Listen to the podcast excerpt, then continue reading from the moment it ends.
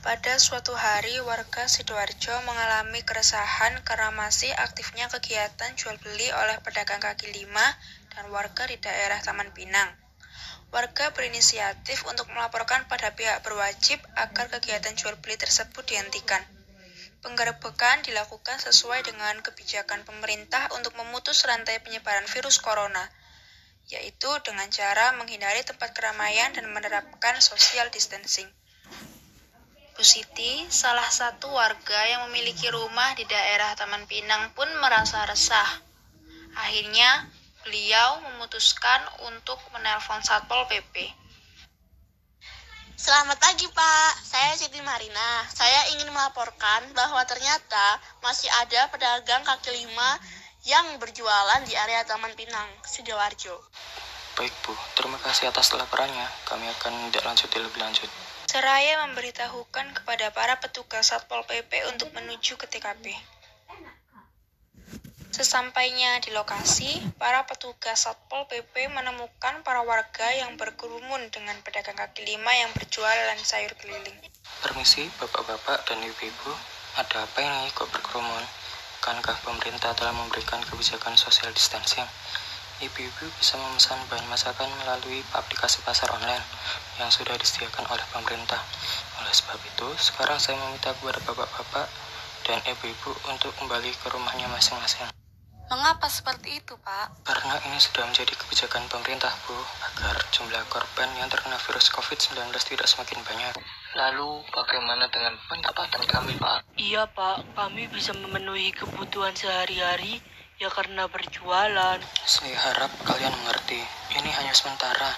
Jadi, bapak-bapak dan ibu-ibu tidak perlu khawatir. Loh, tidak perlu khawatir gimana sih, Pak? Kami di sini untuk mencari nafkah agar bisa makan. Jika kami tidak berjualan, keluarga kami makan apa? Maaf Bu, tapi kami di sini hanya menjalankan tugas. Kira-kira sampai kapan kami dilarang berjualan, Pak? Setidaknya sampai keadaan mulai membaik. Kapan membaiknya, Pak? Dengan adanya kami berjualan atau tidak, semakin hari juga semakin bertambah orang yang terkena virus corona. Justru itu, Bu. Dengan kami membubarkan kerumunan seperti ini, setidaknya orang yang terinfeksi virus corona sedikit berkurang. Jika bapak-bapak dan ibu-ibu sekalian tidak berkenan juga silakan. Tapi dengan terpaksa saya akan mengangkut semua barang-barang kalian. Kami tidak mati karena corona, justru mati kelaparan, Pak. Tanpa menggubris opini para pedagang lagi, akhirnya para Satpol PP mulai mengangkut barang-barang para pedagang ke mobil yang dibawa oleh Satpol PP. Karena jumlah Satpol PP yang lebih dari jumlah pedagang, para pedagang mulai kewalahan dan banyak yang memutuskan pasrah tetapi ada juga yang berusaha untuk kabur. Setelah kejadian tersebut, para pedagang memutuskan untuk mematuhi dan berhenti berdagang untuk sementara waktu. Seminggu kemudian di rumah pedagang dua. Ini gimana pak? Apa masih belum boleh jualan? Cicilan kita banyak harus segera dibayar loh. Iya ya, aku juga udah bosan tiap hari makan lauknya tahu tempe terus. Iya, sabar dulu. Sekarang masih belum dibolehin jualan. Tapi mau sampai kapan, Pak? Pandemi ini semakin hari juga semakin bertambah korbannya. Iya ya, hari ini saja yang bertambah ada 500 orang lebih ya. Yaudah, ayah cari cara dulu ya, biar bisa jualan lagi. Setelah itu, pedagang dua mulai bertanya-tanya kepada rekan-rekan dagangnya melalui grup WhatsApp yang mereka buat. Ternyata, semua rekannya sama-sama masih tidak tahu kapan mereka bisa berjualan. Tetapi, ada satu rekannya yang mengajak agar besok berjualan kembali. Akhirnya, mereka sepakat untuk berjualan kembali dengan syarat pada saat jualan mereka menggunakan masker. Keesokan harinya. Ayo diborong, diborong, Bu. Loh, Pak, bukannya kemarin tidak dibolehkan jualan? Sudahlah Bu, kalau saya tidak jualan di sini lagi, nanti mau makan apa keluarga saya? Ya, tidak bisa begitu Pak. Ini demi kepentingan bersama agar keadaan cepat membaik. Bu, Bu, hidup dan matinya manusia itu sudah ada yang mengatur. Yang meninggal karena virus corona ya mungkin sudah takdirnya seperti itu. Lagian kita juga sudah menggunakan masker. Pak Sugeng yang sedang menyuci mobil di depan rumah mendengar keributan ini pun menghampiri kerumunan tukang sayur dan ibu-ibu kompleks. Pak Sugeng berkata, Ya tidak bisa seperti itu toh Pak. Kita sebagai manusia juga harus berusaha gimana caranya supaya nggak tertular virus corona ini. Terserah ibu dan bapak saja. Yang penting saya masih tetap berjualan di sini dan bisa memenuhi kebutuhan keluarga saya. Ibu mah enak, sudah ada simpanan uang untuk bayar ini itu. Lah kita, rakyat kecil seperti kami mau bagaimana? Bukan hanya bapak yang tidak dapat penghasilan. Saya juga tidak dapat penghasilan, Pak. Uang tabungan juga bisa habis. Tetapi saya mau menuruti kata pemerintah untuk mengurangi penyebaran virus corona ini agar pandemi ini cepat berakhir. Lah kalau ibu menuruti kata pemerintah, lantas kenapa sekarang ibu juga masih berkeliaran di luar rumah? Bukannya pemerintah menyuruh untuk tetap di rumah saja ya? Ya karena saya ada urusan penting yang membuat saya keluar rumah. Ibu kira saya berdagang tidak penting. Ibu kira saya berdagang itu main-main.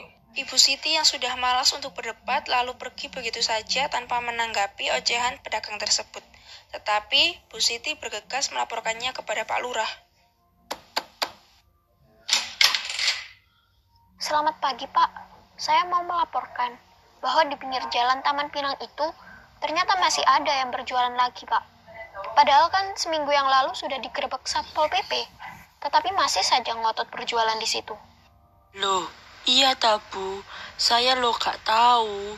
Ya udah wes tak ke sana dulu daripada digerebek satpol pp lagi. Makasih bu buat informasinya. Iya pak, sama-sama.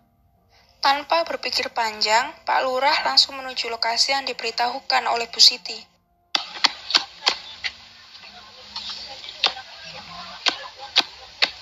Eh, Pak Lurah, ada apa? Tumben Bapak ke sini. Iya Bu, tadi saya dapat laporan dari warga kalau masih banyak pedagang di taman ini dan ternyata benar. Iya Pak, memang barusan juga ada warga yang marah-marah karena adanya kami. Ya tapi bagaimana lagi Pak?